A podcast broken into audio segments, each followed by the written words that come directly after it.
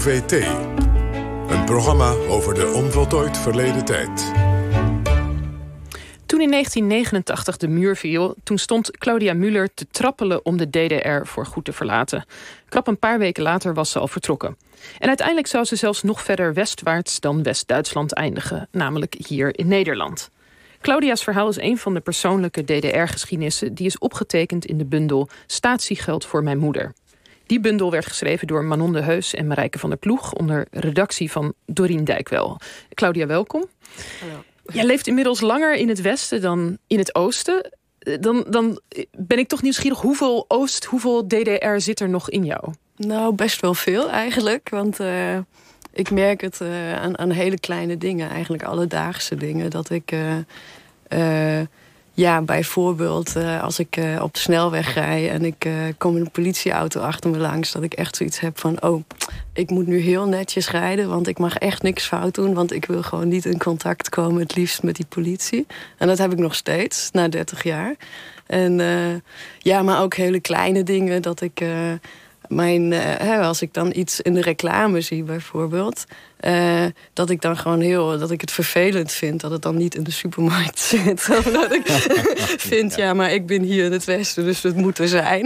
Dus je hebt, je hebt een soort van verwachtingen ook uh, nog uit je jeugd van hoe ja, het kapitalisme eruit ziet, dat het dan misschien een beetje tegenvalt. dat ik me daar gewoon echt aan kan ergeren. En uh, nou ja, dat soort kleine dingen eigenlijk. Ja. Dus ergens zit het er gewoon ingepropt. En, en wat ik ook merk is, nu met de corona-toestanden, van, nou ja, dat het steeds weer strenger wordt. Dan krijg ik toch ook weer zo'n opgesloten gevoel van... ja, ik kan nu niet naar Duitsland, naar mijn moeder bijvoorbeeld. Uh, en ik moet hier in Nederland blijven. En uh, nou, dat soort dingen. Of ik, ik zou bijvoorbeeld, ik krijg al problemen als mijn auto een dag naar de garage moet. Dan heb ik zoiets van, ja, maar ik heb nu geen auto. En openbaar vervoer, dan ben ik afhankelijk van iemand. Dus ik wil gewoon die auto voor de deur hebben staan. Dat ik gewoon weg kan als het nodig is. Dus dat blijft wel een beetje. Dus ja. je, je, noemt nu een aantal dingen. Hè, dat je hebt behoefte aan autonomie, aan vrijheid. Uh, zelf dingen kunnen doen. Tegelijkertijd ben je ook, benoem je ook dat je zeker wantrouwen reflex hebt ten opzichte van politie en dergelijke. Is er ook een reflex in de zin van als de overheid iets zegt, zoals nu bijvoorbeeld met de corona. Uh, de overheid zegt dit, dat horen we dan ook te doen? Want zit dat er ook in, een soort gezagsgevoeligheid? Ja, wel deels nog. Want ik heb mijn mondkapje mee. Ik ben ook hier keurig met mondkapje binnengegaan. Want het advies is van ja, openbaar gebouwen met mondkapje. En uh, dat doe ik dan wel. Maar bijvoorbeeld uh, de, de app die nu uh, geïntroduceerd is. Ja, daar heb ik zoiets van. Nou, dat moet ik eerst nog maar even goed uitzoeken. Van of ik die wel of niet op mijn telefoon ga zetten. Oh ja, want die app staat meteen ook voor, daar heb je de overheid weer. Ja, En, en ook van je moet vertrouwen in andere mensen dat die wel uh, eerlijk zijn en ook eerlijk hun gegevens geven. En, en dat vertrouwen, dat is. Maar komt dan gelijk ook als het ware iets omhoog kriebelen in de DDR? Kon elke buurman en buurvrouw een spion zijn? Dit, dit, dit, ja. Zoiets. Ja. Uit, als je nou terugkijkt naar die tijd, hè, uit, uh, mensen werden zwaar beïnvloed door de overheid. En je geeft heldere voorbeelden daarvan. Uit, uit, uh, dan hangt het er ook maar vanaf waar je vandaan komt, denk ik. Uit wat voor nest kwam jij? Uh, ik kom uit, ik ben in, in, in Saxen geboren. En dat is een, nou, een stadje tegen de grens van Tsjechië. Maar ik had wel het geluk dat ik in een soort drielandenhoek woonde. ook met, met Beieren. Dus wij konden in, in, daar waar ik woonde, konden we ook uh, vijf, hadden we vijf tv-zenders, namelijk drie West-Duitse en twee Oost-Duitse. Dus ik had wel het geluk dat ik via de tv een beetje kon inschatten hoe West-Duitsland eruit ziet. Maar ik uh, zat wel echt wel in een. Ja, een beetje ja, christelijk opgevoed, hè, ook in de kerk. En en dat nest was eigenlijk ook een beetje van dat ik soms het gevoel had dat ik nou ja, schizofreen opgevoed werd. Want aan de ene kant thuis kon je dat zeggen en op school had je dan uh, dat wat je moest zeggen. Maar, maar, was jij bijvoorbeeld, want we hebben vaak beelden voor ons van uh, jongens en meisjes, terwijl wij allemaal in spijkerbroek, et cetera, rondlopen, lopen jullie in vreselijke uniformpjes van de Vrije Duitse Jugend of zo. Eh, was dat zo? Of, ja, dat of was, was zo. al een beetje voorbij? ja, ja. Nou, ik heb eigenlijk zeg maar de, de, de gehele socialistische opvoeding heb ik geheel meegemaakt. Want uh, ook omdat mijn moeder een alleenstaande moeder uh, is, uh, ben ik gewoon echt met drie weken ben ik al in het kinderdag verblijf gestopt. en daar had je zij was verpleegster en ze moest ook nachtdiensten draaien. Dus ik werd gewoon, nou ja, vanaf dat ik uh, nog niet denken kon al in het socialistische systeem uh, geduwd. En, uh, maar dat had ook zeg maar later leuke dingen. Want we hebben ook bijvoorbeeld met de pionieren hadden we zomerkamps waarmee ik ging roeien en, en, ging zeilen en in aanraking kwam met, met allerlei sportactiviteiten en dat soort dingen. Alleen ja, in dat pionierlager moest je wel inderdaad je, je uniform mee hebben. En dan moest je ook s ochtends een appel staan. Want dan begon pas. Uh, maar, maar, ik hoor je zeggen dingen. mee hebben. Dat betekent dus dat als je even de kans kreeg. Dan deed je hem niet aan. Nee. want dat was ook, ook een smoesje van hij, was, hij zit in de was, meneer, ik kon hem niet aan. Oh, ja, precies. Maar dat klinkt nog redelijk prettig. Wat is dan het moment dat dat is begonnen te kantelen? Voor jou? Dat je toch minder blij werd met die, met die overheid. En, en nou ja, dat die achterdocht ontstond waar je het uh, over Nou ja, hebt. dat was op het moment dat mijn moeder... Uh, toen was ik veertien. Uh, voor die, zij mocht twee keer naar Amerika. maar dan mocht ik niet mee. Zij mocht dan naar haar tante op de verjaardag. En de eerste keer was ik dan vier weken bij mijn oom en tante uh, logeren. Want ja, ik kon niet alleen blijven. En de tweede keer was ik uh, 16.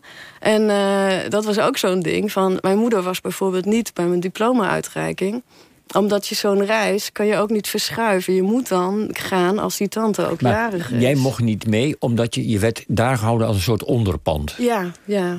Ja, als het statiegeld. Zo noemde ik het. En, uh, en, toen dacht je wel van... dit is niet een overheid die, het, die mijn belangen voorop stelt. Ja, die, die vertrouwt mij niet. En, uh, en uiteindelijk had ik ook nog... Uh, nou ja, ik zeg altijd allemaal verkeerde vrienden, maar dat is niet zo. Maar een, een Oost-Duitse uh, gedachtes verkeerde vrienden. Want ik had een vriend, of ik had meerdere vrienden die ook in, in, in een statiegevangenis hebben gezeten.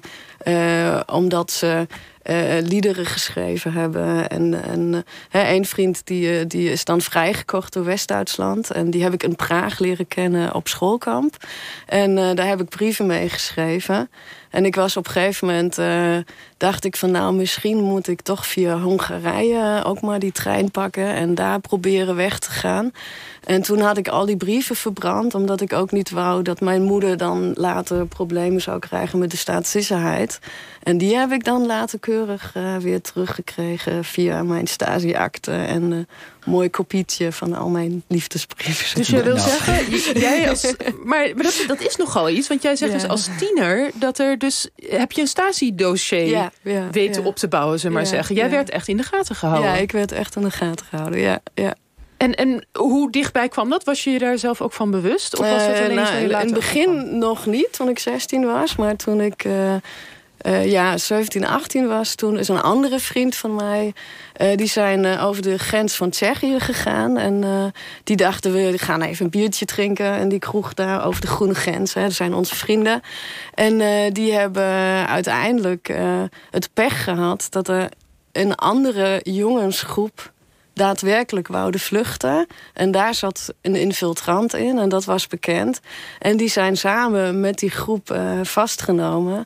En uh, die hebben echt in het gevangenis gezeten. En toen had ik de Stasi uh, zeg maar echt een huis met drie man... die dan waar de ene opschrijft en de andere controleert... dat ik niet ondertussen met mijn moeder dingen afspreek. En de andere die alles in de gaten houdt. Dus de film Das Leben der Anderen, uh, hoe zij daar staan, nou, dat was bij mij net zo. Dat is heel herkenbaar, ja. ja. En, en die vriend, die, is uit, die kwam ook weer uit de gevangenis. Ja. Hoe, ja, hoe was dat toen? Nou, hij was, uh, nou, hij was wel degelijk onder de indruk. En hij, hij uh, heeft daar ook niet zoveel over gesproken. En uh, in het begin dacht ik van, nou, waarom doe je dat niet? Maar aan de andere kant was het ook zo dat...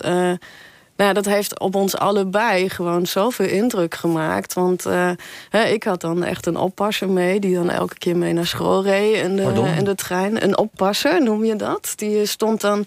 Als je elke dag naar, naar je school gaat met de trein... dan weet je ongeveer wie meegaat. Hè? Dat is een beetje... Je club, je vrienden, kennissen, et heb je, ja, heb je, nou ja, en, uh, Maar op, op, vanaf dat moment had ik gewoon iemand... die altijd elke dag met mij met de trein meerijdt. En, was een nieuw iemand.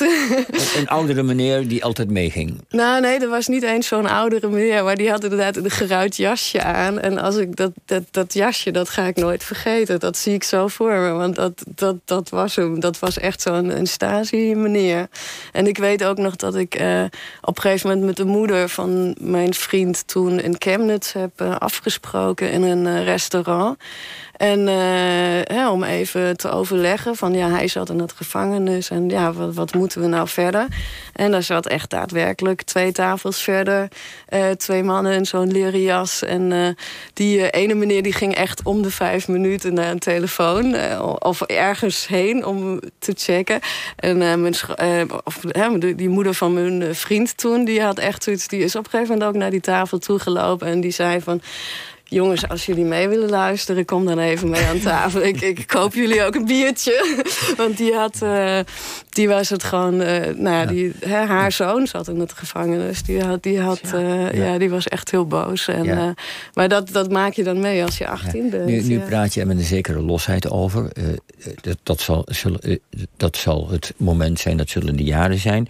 Um, je vindt het toch belangrijk, of toch, je vindt het ook belangrijk dat dit, je geeft les aan, aan, aan middelbare scholieren, je geeft Duitse les, et cetera.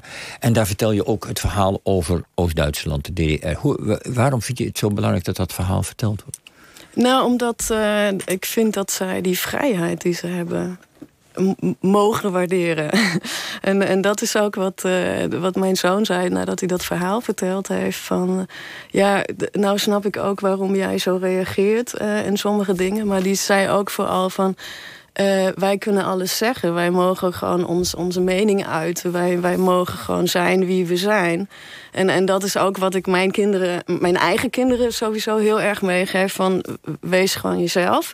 Maar ook aan mijn leerlingen van uh, dat ze zeggen van uh, hè, dat je gewoon echt wel ook en ook als je oordeelt over anderen, want dat doen middelbare scholieren vaak heel snel. Uh, maar dat ze eerst vragen van ja, maar wat is jouw achtergrond? Waarom reageer je zo? Of waarom heb je die mening? Of waarom ben je zo? En dat heeft ook met discriminatie te maken, maar dat heeft gewoon met alles te maken. Dus dat is wel een thema wat, uh, omdat ik gemerkt heb dat dat, dat niet alles kan, dat ik dat extra waardeer. En dat ik dan probeer op die manier dat aan mijn leerlingen mee te geven. Ja, bijzonder. En hoe diep je dus ook daardoor gevormd bent. Zelfs als je weet waar het vandaan komt, je kan er niet echt afscheid van nemen. Ja. Ja. ja, mooi. Nou, hartelijk dank Claudia Muller. En wie dus jouw verhaal wil lezen, en dat van vele anderen... dat is uh, opgenomen in de bundel Statiegeld voor mijn moeder. Um, dat, dat, dat boek is nog verkrijgbaar en dat is samengesteld door Manon de Heus en Marijke van der Ploeg.